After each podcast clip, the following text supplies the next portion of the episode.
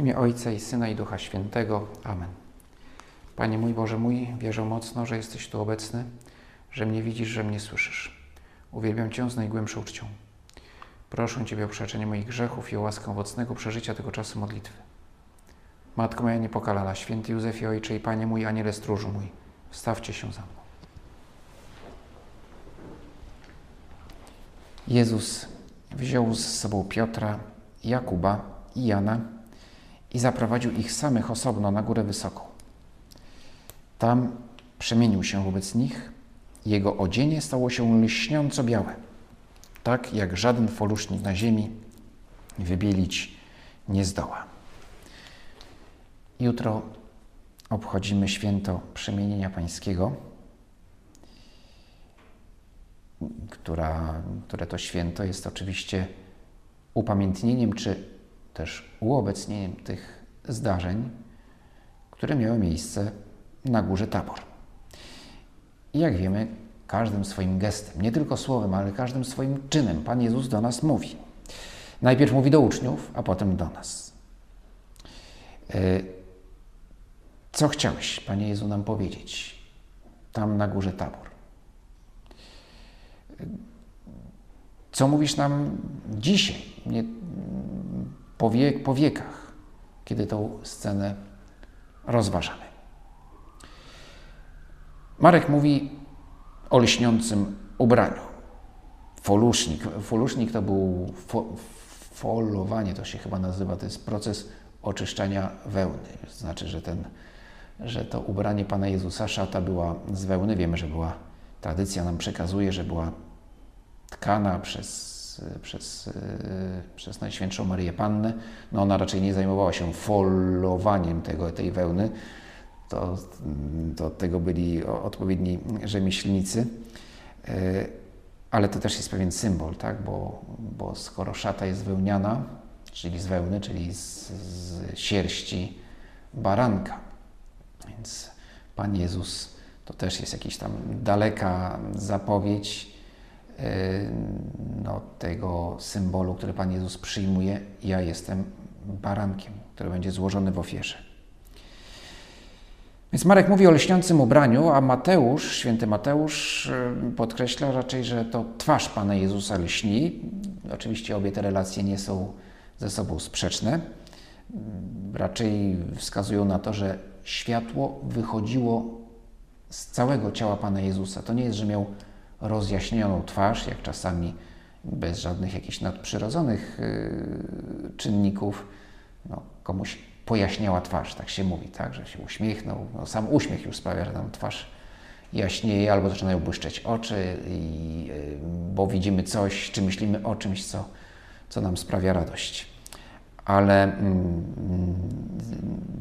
Mateusz mówi właśnie o, o, twarzy, ale to lśniące ubranie wskazuje na to, że to było coś więcej, że to, to co się działo z Panem Jezusem, e, ogarniało go całego. I to nie było tylko,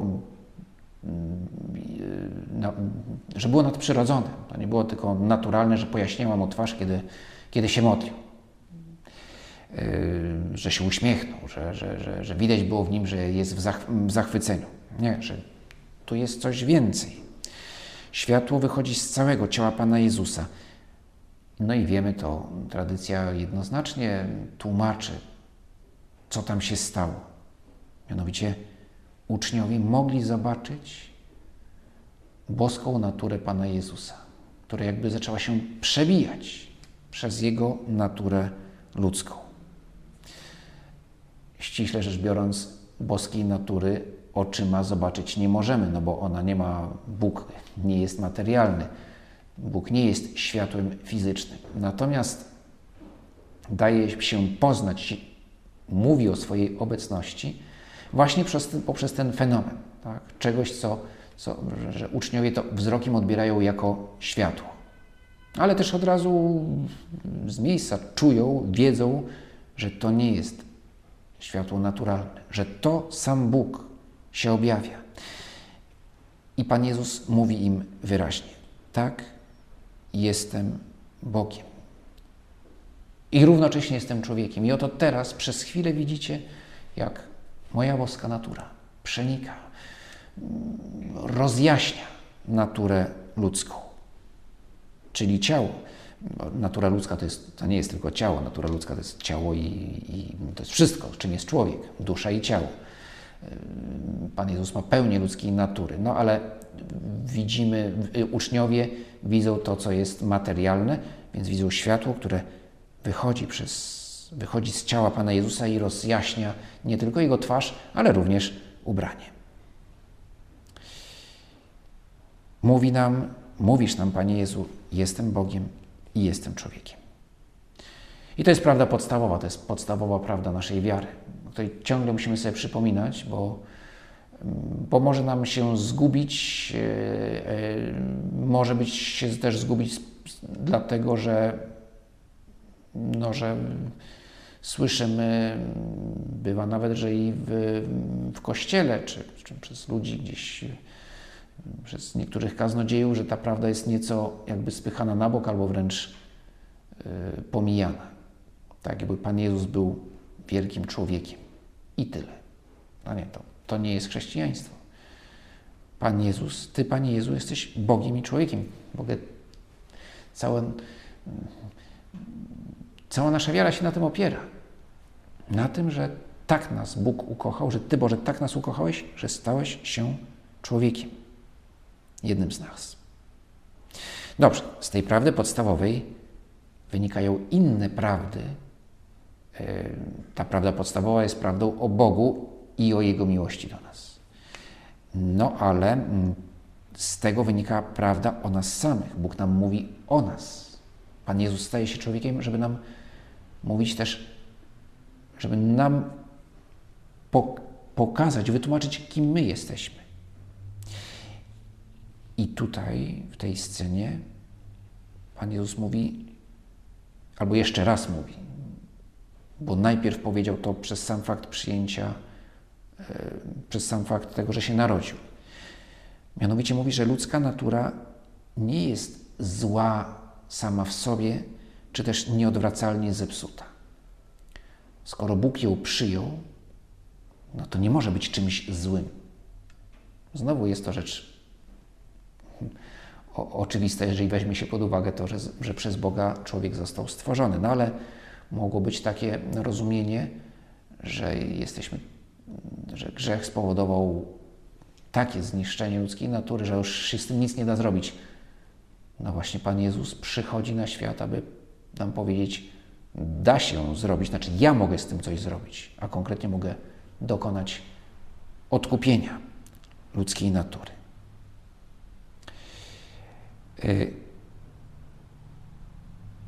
I to nie jest, nie, Pan Jezus, Jego natura nie jest, przyjmując ludzką naturę, przyjmuje ją mm, bez skazy grzechu, no bo nie może, to była bezsprzeczność, żeby On sam był grzesznikiem.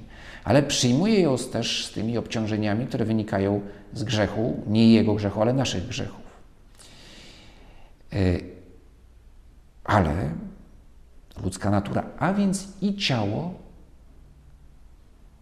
Pan Jezus chce odkupić każdego z nas i przeniknąć swoją łaską. Tam na górze Tabor boska natura prze, przewija się przez naturę ludzką. My no oczywiście mamy tylko ludzką naturę, ale On, Ty, Panie Boże, chcesz nas przeniknąć nie tylko chcesz, robisz to. Przenikasz nas swoją mocą, swoją łaską. Przebóstwiasz. Jest takie słowo bardzo piękne i równocześnie mm, zaskakujące, ale które należy do, do słownika naszej wiary. To jest słowo przebóstwienie. Dziwne słowo, bo bo zaraz ktoś powie, no raz już tak było, że w raju człowiek chciał stać się Bogiem. No i, no i właśnie mamy co mamy z, tego powodu. Dzisiaj zresztą też próbuje to. Grzech Adama i Ewy, y, raz popełniony gdzieś tam przed wiekami, y, i on się cały czas go powielamy, próbując wejść w miejsce Boga albo, albo stawiając sobie coś, co Bogiem nie jest, jako Boga. I dzisiaj no, mamy wielu takich, co wręcz się uważają za bogów, bo mają wielkie pieniądze, bo mają wielką władzę, bo, bo, bo kształtują ludzkie umysły i gdzieś tam odrzucając oczywiście prawdę o, o, o Bogu i o Jego miłości, próbują wskoczyć w Jego miejsce. No ale to nie jest przebóstwienie. Samo zresztą słowo to nie jest czyli przebóstwienie, jakby, jakby Bóg nas przenika, przechodzi przez, albo znowu przechodzi to byłoby za mało, bo to nie jest, że przechodzi i znika. On nas wypełnia.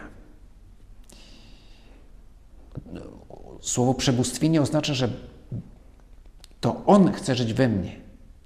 Nie ja wchodzę w Jego miejsce, tylko On wchodzi we mnie, w moje życie i przenika całe moje życie.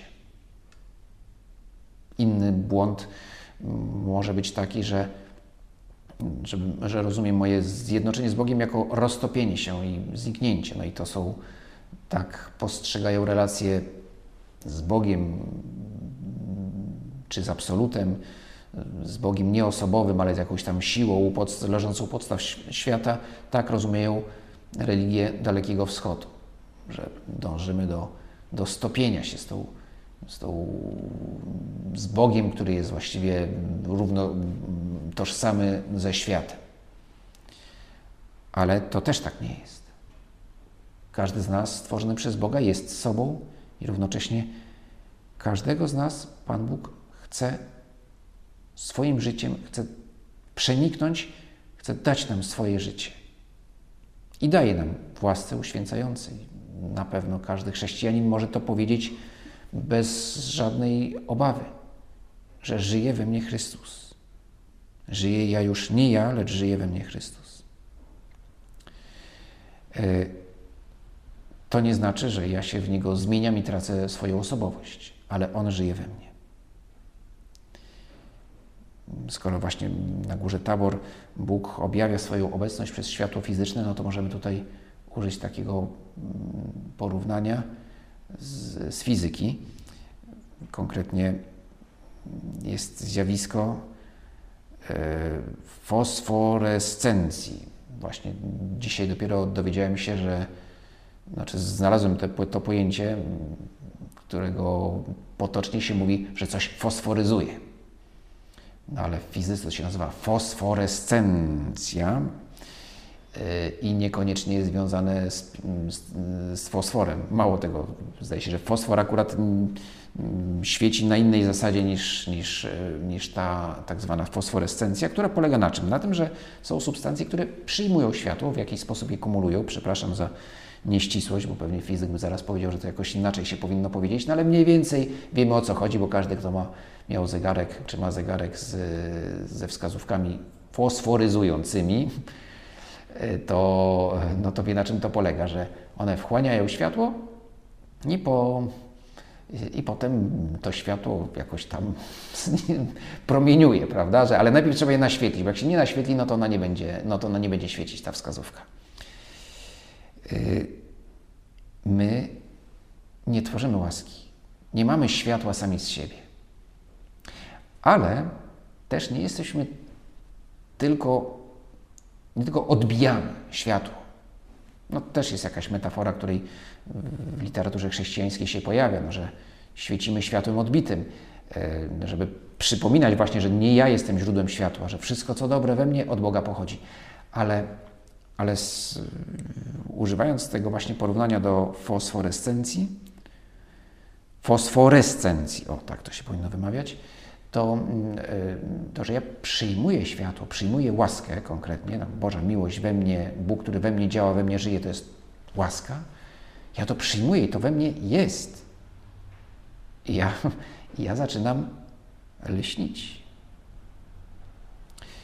Pisze święty Josemaria, który bardzo lubił to słowo przebóstwienie. Nie tylko słowo, przede wszystkim pojęcie, bo jakby widział to jako bardzo ważny, zrozumienie tego procesu jako bardzo ważny element naszej, naszego życia chrześcijańskiego. Chrystus żyje w chrześcijaninie. Wiara mówi nam, że człowiek w stanie łaski jest przebóstwiony. Jesteśmy mężczyznami i kobietami, nie aniołami. Istotami z krwi i kości, z sercem i z namiętnościami, ze smutkami i radościami. Jednak przebóstwienie oddziałuje na całego człowieka jako zadatek chwalebnego zmartwychwstania. Na całego, również na ciało. Chrystus zmartwychwstał jako pierwszy, to już jest cytat z, oj, chyba z listu do Koryntian. Chrystus zmartwychwstał jako pierwszy spośród tych, co pomarli, ponieważ bowiem przez człowieka przyszła śmierć, przez człowieka też dokona się zmartwychwstanie. I jak w Adamie wszyscy umierają, tak w Chrystusie wszyscy będą ożywieni. Chciałeś nam, Panie Jezu, pokazać, że obecność Boga w nas przemienia wszystko, również nasze ciało. Y, to nie znaczy, że je uzdrawia w znaczeniu fizycznym, a nawet psychicznym. Jeśli chodzi o to, tak, są uzdrowienia nadprzyrodzone i jest prawdą, że łaska pomaga w uzdrowieniu psychicznym, jeśli nasza psychika jest poraniona e, czy zwichrowana z powodu choroby czy jakichś skrzywdzeń. Ale życie łaski, działanie łaski, znaczy, nie, nie na tym polega, że nas zamienia, przynajmniej tutaj w tym świecie, ale że Bóg zaczyna nas, w nas żyć mimo słabości naszego ciała czy słabości naszej psychiki.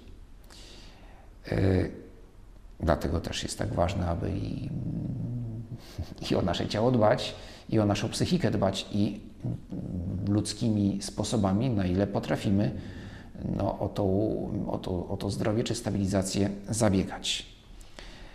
Yy, ale, ale nie zmienia to faktu, że, że łaska wpływa na wszystko, że przenika nas całych, również ciało. Yy, czy zawsze to widać? No, momentem, szczególnym momentem spotkania, czy, czy w którym łaska w nas działa, to jest modlitwa. Teraz właśnie się modlimy. No i ktoś mógłby zrobić, no to robimy eksperyment. Patrzymy na księdza, który gada i też stara się modlić. I co? No i nic, mogę tutaj lampką się zrobić jakieś takie tanie, tanią zagrywkę, prawda, się jakoś podświetlić, że to niby świecę, no ale wiadomo, że to, to były jakieś takie gusła w stylu czarowników tam, z, z jakichś ludów pierwotnych, ale no nie, no nie świeci się. E, uwaga, Pan Jezus też nie zawsze lśnił. Mało tego, z relacji ewangelicznych wynika, że przed zmartwychwstaniem to w takiej lśniącej postaci pojawia się tylko raz. Znaczy objawia się tylko raz, właśnie na górze Tabor. Zresztą po zmartwychwstaniu zasadniczo też się pojawia tak, że wręcz go nie rozpoznają początkowo. Więc bardzo dyskretnie. Więc nie, nie, nie lśni. No, czytałem jakąś taką rozważania jakiegoś biblisty, który twierdził, że, że to, że to, że, że zasadniczo, kiedy Pan Jezus no, modlił się nieustannie, tak? No, ale były te modlit momenty modlitwy bardziej żywej, intensywnej i że kiedy ta modlitwa była bardzo intensywna, no to w naturalny sposób Pan Jezus zaczynał lśnić i dlatego oddalał się na miejsce pustynne Chciał być sam. E, nie chciał, żeby to było widziane. I tylko raz, właśnie trzem apostołom, ukazuje się, że widzą go, co się z nim, co się dzieje z jego ciałem w momencie, kiedy, e, kiedy mm, ta bliskość Ojca mm, jest tak, tak mocna, że, że, że, że boska natura przez Pana Jezusa zaczyna przeświecać. E, nie wiem, czy to jest, mm, to jest jakaś hipoteza, może tak było, może, może nie, no, nie wiemy, bo, no bo Pan Jezus właśnie oddalał się na modlitwę i, i nie wiemy, jak wyglądał w czasie tej swojej osobistej, tej najbardziej intensywnej modlitwy. Ale ale właśnie uczniom objawia tylko raz. I to nie wszystkim. Bo nie chcę, żebyśmy oczekiwali jakiegoś widowiska. I, I równocześnie mówi nam w ten sposób Pan Jezus, że i my, kiedy, kiedy się modlimy, choć nasze ciało, łaska ogarnia wszystko, również moje ciało, to, to, to, to, to nie musi mieć jakichś zewnętrznych znaków i na ogół nie ma. Choć, jak sądzę, wydaje mi się, że twarzach ludzi, którzy mają głębokie życie wewnętrzne, dużo się modlą, autentycznie się modlą i starają się żyć według ten, no, miłością Bożą, którą, której doświadczają w modlitwie, że, że w twarzach takich ludzi jest piękno, które przewija się, na, które jest widoczne, emanuje, nawet jeżeli dana osoba nie, nie jest szczególnie urodziwa, albo ma na przykład twarz zdeformowaną chorobą. No, tak jak było w przypadku świętego Jana Pawła II pod koniec jego życia. No, jego twarz była, no nie była ładna, no, tak po ludzku, no, była jak, jak to twarz człowieka cierpiącego na chorobę, która już zaczynała ogarniać również i mięśnie twarzy. Ale było równocześnie, było coś wzruszającego, że ludzie właśnie chcieli go widzieć, również w, tym, w tej ostatniej fazie, bo widzieli w tym, że jest w nim jakieś piękno. Jeszcze może bardziej to było widoczne u matki Teresy z Kalkuty. Już starowinki.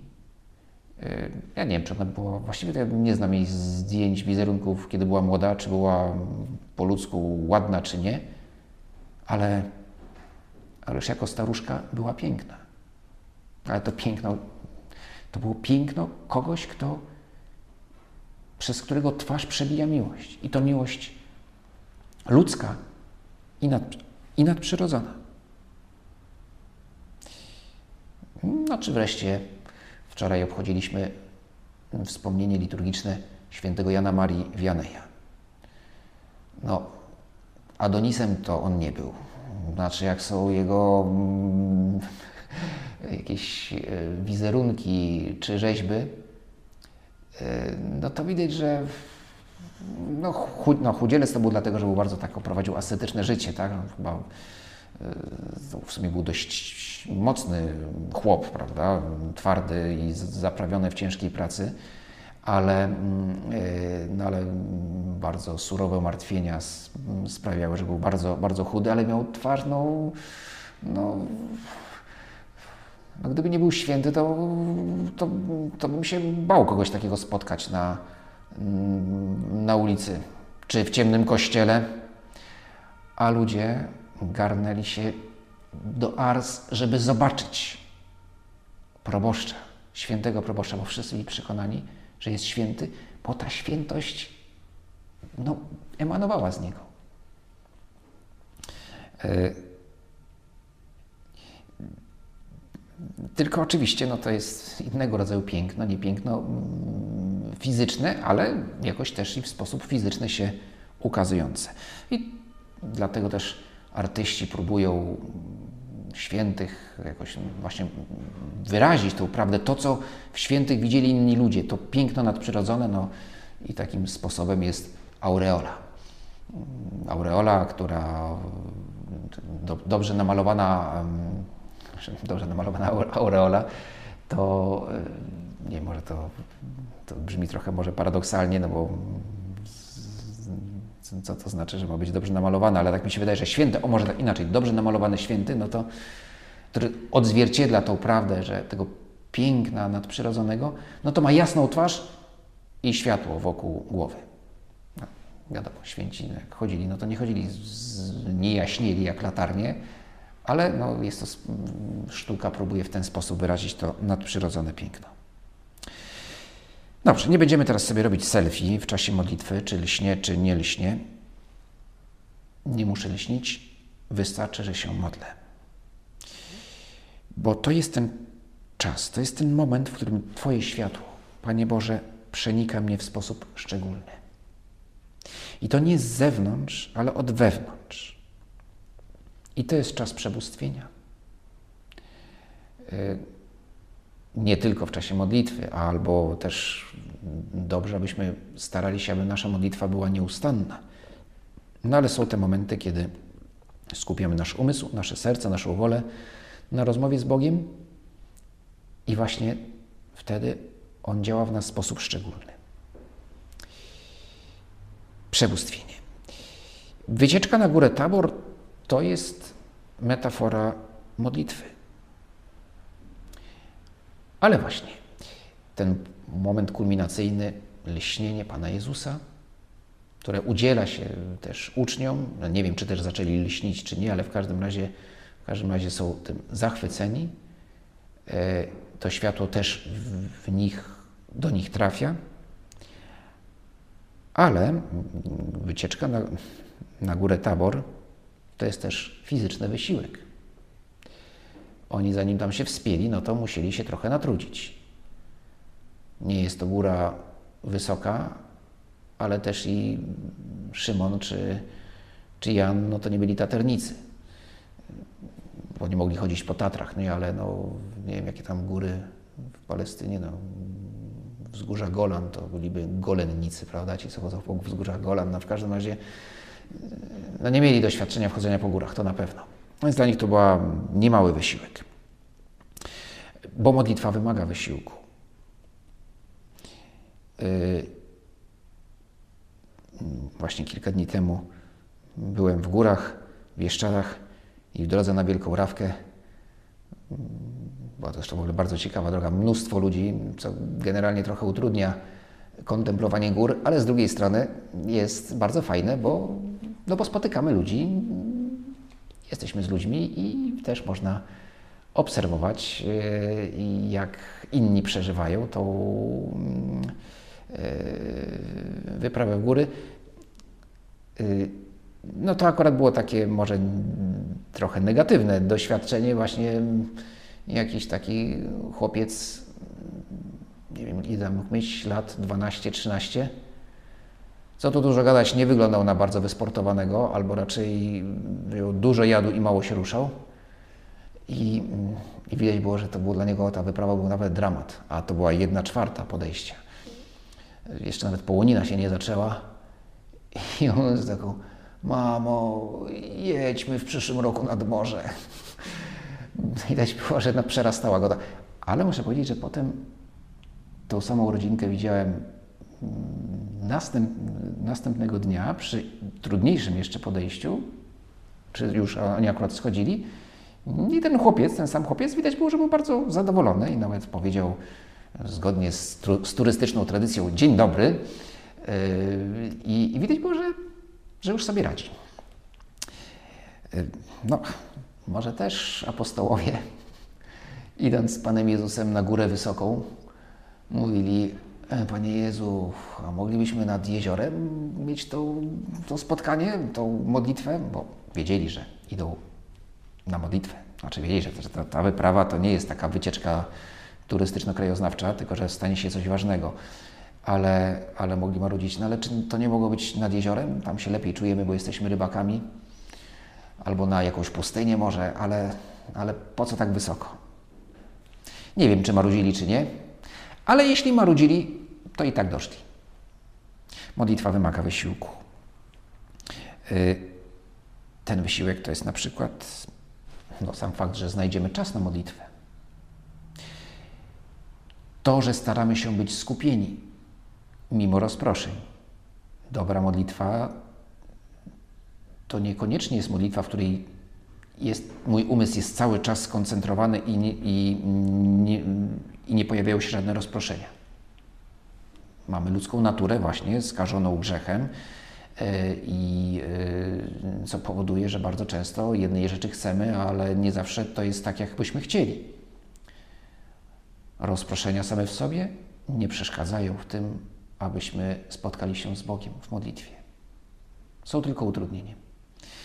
Ale owszem, co jest ważne, to jest skupienie, znaczy pragnienie tego, aby z Bogiem się spotkać.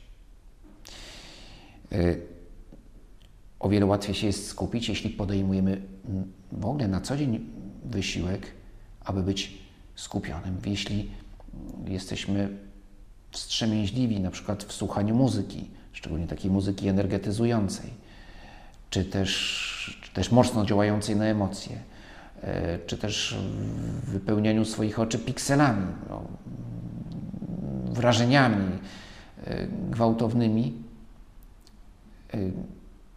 bo to w ogóle nam nie ułatwia skupienia, nie tylko na modlitwie, no ale szczególnie na modlitwie to przeszkadza.